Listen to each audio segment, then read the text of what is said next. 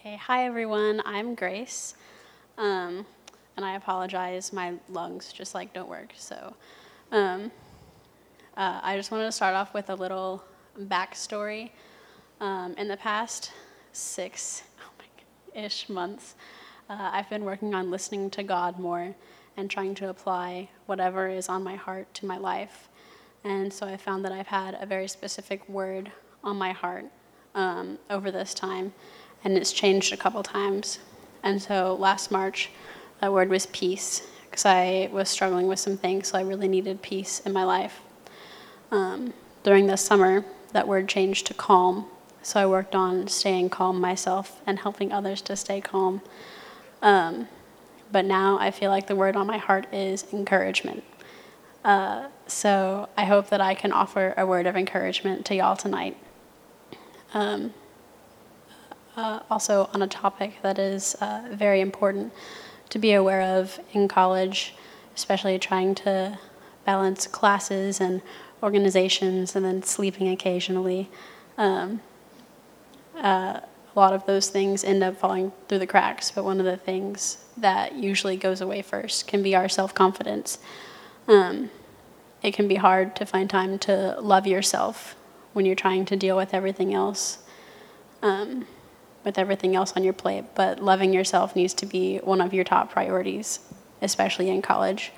And then we tend to create false self confidence by looking to our friends to build us up and support us, but that doesn't equal true self confidence. It's important to have friends lo- that love and support you, but your worth should not come from the fact that you have friends that support you. You're children of God, and your strength comes from Him.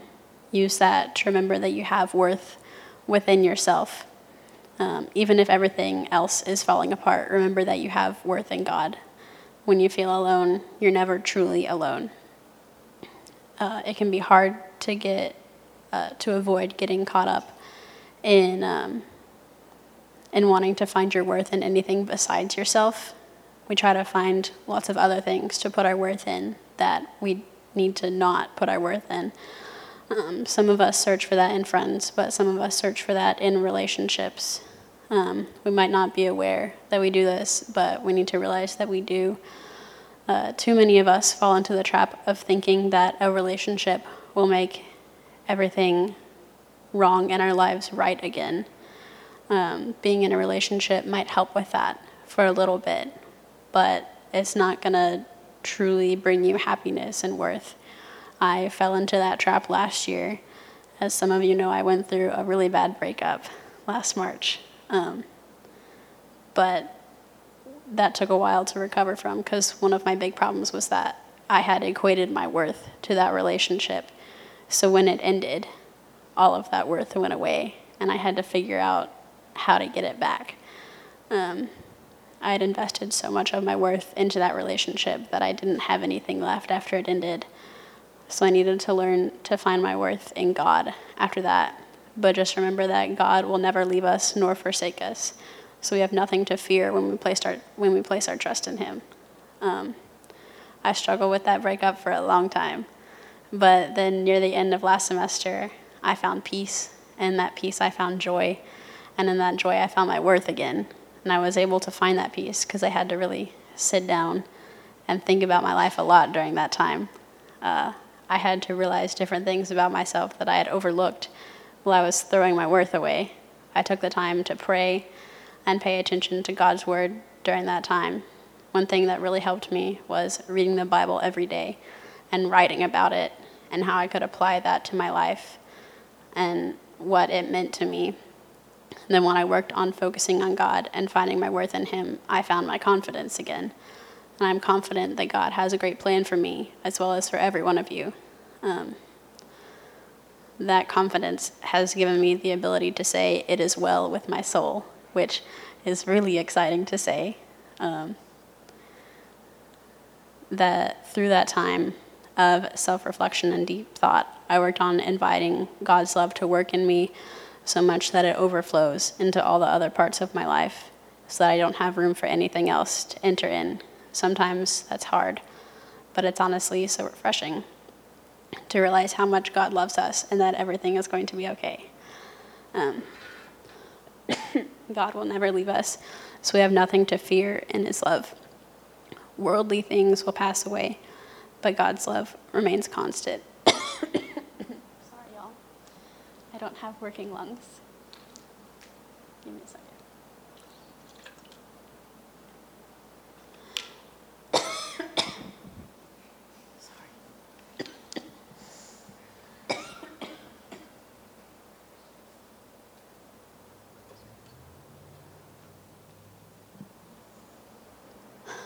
Okay. it's just never going to. Uh, finding confidence and joy is a lifelong journey, and it starts when we give our lives to Christ. We can find false joy in a lot of things, and a lot of things can make us happy, but those don't bring us true joy. Okay, so I love breakfast. breakfast is my favorite meal of the day. And I would willingly eat it for every meal and have exactly zero regrets. Um, like waffles and muffins, yes. But breakfast makes me really happy, but it can't bring me true joy as much as I love my breakfast. Um, I think I was a sophomore in high school when I uh, first experienced true joy.